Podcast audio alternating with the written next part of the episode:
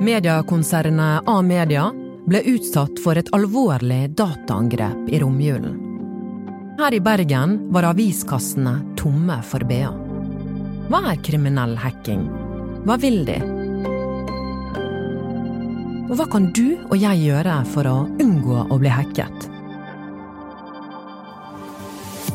Norges største utgiver av lokalaviser rammet av dataangrep får ikke gitt ut papiraviser i morgen. Ukjent hvem som står bak angrepet. I moderne tid så tror jeg ikke det har skjedd at vi ikke har kommet ut på den dagen som vi har bestemt oss for å komme ut. Se for deg at du sitter på jobb og åpner en e-post fra en du har hatt kontakt med tidligere. Hun har lagt ved et dokument hun ber deg om å åpne. Det er informasjon som haster at du leser. Du er litt distrahert. Kollegaen som sitter ved siden av deg, maser om at du må bli med på lunsj. Det rumler i magen, så du trykker på lenken for å bli ferdig. Uten at du vet det, har hackere fått tilgang til dataen din. så vil jo de kunne gjøre hva de vil med alle verdiene til din bedrift. De kan, hvis de ønsker, sette fyr på det hele, slik at du mister all data bedriften din har hatt, og får den aldri tilbake igjen. De kan også velge å lete gjennom all denne dataen og finne ut hva her er det som eh, potensielt gjør vondt, hvis vi begynner å utpresse deg for det. Eh, de kan også ta med seg hele skapet, og så kan de si at eh, du får ikke noe av det tilbake, med mindre du betaler penger til oss. De Dette er 25 år gamle Vetle Larsen. Han er en etisk hacker. Du kan sammenligne det med en snill tyv. Et av de største komplimentene jeg har fått på faglig nivå, eh, var en studiekamerat av meg som hadde snakket med noen andre. da, eh, og hadde essensielt beskrevet meg som at eh, hvis han ikke hadde hatt et moralsk kompass, så hadde han vært en ekstremt effektiv kriminell hacker. Grunnen til at jeg valgte den gode siden, er jo jeg har ikke nødvendigvis noen interesse av å ødelegge ting. Selvfølgelig er det jo et rush å klare å ta over ting. Det slår ikke over det moralske kompasset mitt. Vetle er en seniorkonsulent i et selskap som heter Astec. Her jobber han med datasikkerhet og er spesialist som etisk hacker. Finne risikoer og på en måte hjelper dem ved å angripe dem Eh, så følger de opp med, med å bistå eh, på hvordan de kan eh, sikre seg. Men så har du jo også, skal vi se på det rent Ta vekk de moralske aspektene. Så det er alltid risikoen for å bli tatt hvis du er kriminell. Den er ikke jeg spesielt interessert i. Den siste tiden har det vært omfattende dataangrep på norske bedrifter som har gjort stor skade Hotellkjeden Nordic Choice og Nortura, og nå sist mediekonsernet A-media. Kriminelle brøt seg inn i servere og la igjen et visittkort hvor de krevde penger. Dataangrepet satte flere av konsernets systemer ut av spill. Et av systemene som ble påvirket, var det som skal printe ut aviser. I Bergen gikk det annet utover BA. Velkommen Tor Godal, konstituert eh, redaktør i BA. I dag kom det ingen BA, men hvordan blir det i morgen? Du, Nå har BA-huset stått på hodet i hele dag. Og det er funnet mange rare, kreative Petter Smart-løsninger. Så nå klarer vi å gi ut avis i morgen. Og vi er så lettet. Ja, det vil jeg tro. Til tross for at A-media har hatt et høyt fokus på datasikkerhet, ble de hacket. Vetle forklarer at det tyder på at det er et økonomisk motivert virusangrep. Kriminell hacking kan også ramme enkeltmennesker. Man kan for eksempel få identiteten sin stjålet. Men hvem er egentlig de som gjør dette? Det varierer jo ganske stort. Du har mange forskjellige typer aktører. Alt ifra eh, det du kan se på som eh, enkelthackere som eh, bare leker med makt, til statssponsede aktører som går etter politiske mål. Men det som man kanskje ser mest av i media, og som blir mest relevant å snakke om i forhold til de sakene som vi har sett nå nylig, er jo kriminelle grupper som jobber med organisert datakriminalitet som en fulltidsjobb. Men er det i Norge, Eller i andre land? Altså, hvor kommer de fra? De kommer fra litt overalt. Det varierer fra grupper. Det er flere grupper som holder til i flere forskjellige land. Vanskelig å si uten å skulle henvise direkte til trusseldata, men det er jo kjent at vi har russiske grupper. Det finnes eh, grupper som opererer i Afrika, det finnes grupper som opererer i USA. Det er egentlig over hele verden. Tror du vi har mange hackere her i Norge? Kan jeg egentlig ikke uttale meg så mye om, for jeg har ikke noe data å peke på til det. Og det er jo akkurat det som er så vanskelig sånn sett med organiserte cyberkriminelle, er at mange av de er veldig flinke til å skjule sporene sine. Du kan sende trafikk innom flere forskjellige stopp.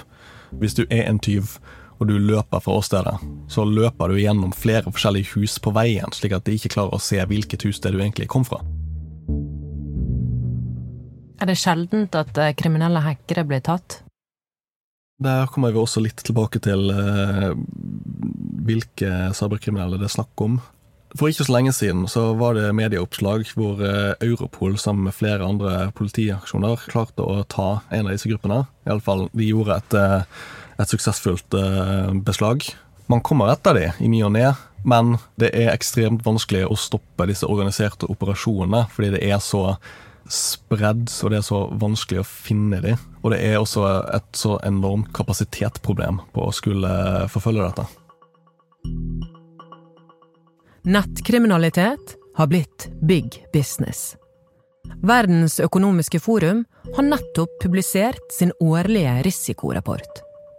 Her peker de på at digitale angrep øker og holder på å bli mer aggressive. Såkalte løspengevirusangrep er i ferd med å bli vanlig. Jeg har mailet med kommunikasjonsavdelingen for Nasjonal sikkerhetsmyndighet. De forventer et vedvarende trykk rundt økonomisk motiverte dataangrep i tiden fremover. Som Vetle forteller, er det ikke like lett å vite hvor de kriminelle hackene befinner seg. Men Bergen er jo en liten by i verdenssammenheng. Hva er det som gjør at de er interessert i meg eller deg? De har sjelden et politisk eller personlig drevet mål. De er ikke ute etter å ta deg, men de er ute etter det du har av verdier som de kan tjene penger på. Og da begynner man jo plutselig å kunne se på scenarioer som utpressing, som at du tar med deg virus på jobben din, som kan bli eh, videre. Mine bitcoin f.eks. på din prosessorkraft er jo, eh, det er jo noe som kalles cryptominers, er jo noe man har sett skje. For målet er sjeldent deg som person, med mindre du er en høyt profilert person. Men du har masse, masse verdier. Du har en identitet som kan brukes til identitetstyveri. Du har datautstyr som kan brukes til videre operasjoner, eller det kan brukes til datautpressing. Det er en hel drøss med elementer ved deg som person, og f.eks. ved din bedrift, som kanskje ikke fremstår som et åpenbart mål, men hvis du tenker gjennom hva er dine verdier For en kriminell gruppe som er ute etter å tjene penger, så er det plutselig potensialet.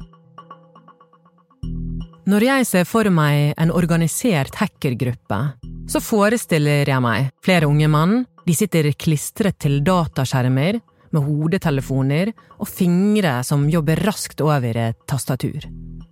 Over dataskjermen ruller det grønne tall og bokstaver. Men hvordan funker et organisert hackerangrep? Vetle sammenligner det med et innbrudd. Det er jo mange forskjellige måter å gjøre hacking på. Men hvis du skal se for deg eh, hvis jeg f.eks. skal angripe en bedrift. Det første jeg gjør, er jo å prøve å anskaffe så mye informasjon som mulig. Hva slags bedrift er dette her? Eh, hvor er alle dørene deres? Hva vinduer er det de har? Eh, har de vakter?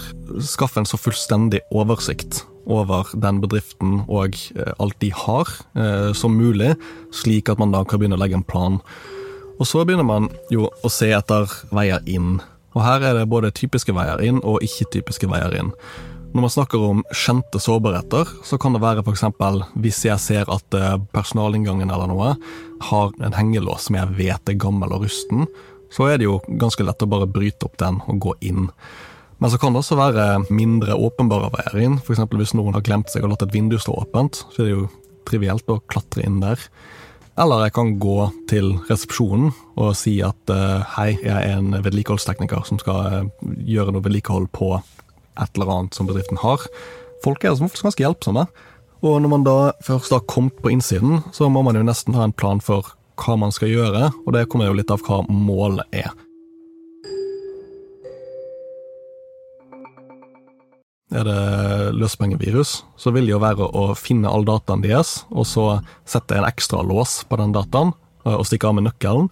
Og så legge igjen en lapp som sier at hvis du, hvis vil ha dataene dine igjen, så må du eh, komme med en bag med penger. Eh, men det kan jo også være at jeg leter gjennom alle disse dokumentene og prøver å finne ut enda mer om bedriften, og finne ut om det er noe, noe sensitiv data der. Kan selge dette til en konkurrent eller noe. Utgavesjef i BA, Camilla Fosse, forteller at de fortsatt sliter tre uker etter angrepet. Flere av verktøyene for å lage avisen er forsvunnet. De bruker nå reserveløsninger som er tungvinte. De har heller ikke tilgang på sitt eget fotoarkiv. Politiet har opplyst til NTB at de fremdeles søker og sikrer elektroniske spor. Jeg spør Vetle, hvordan kan man beskytte seg mot noe sånt? Tenk igjennom før du klikker på noe. Ikke last ned alt mulig rart uten å tenke deg om. Det som går igjen veldig, er at man prøver å lage et element av at det haster. Da trigger det en del psykologiske impulser. Så et av de beste nettverntipsene er jo stopp, tenk før du gjør noe. Så kommer du ganske langt med det.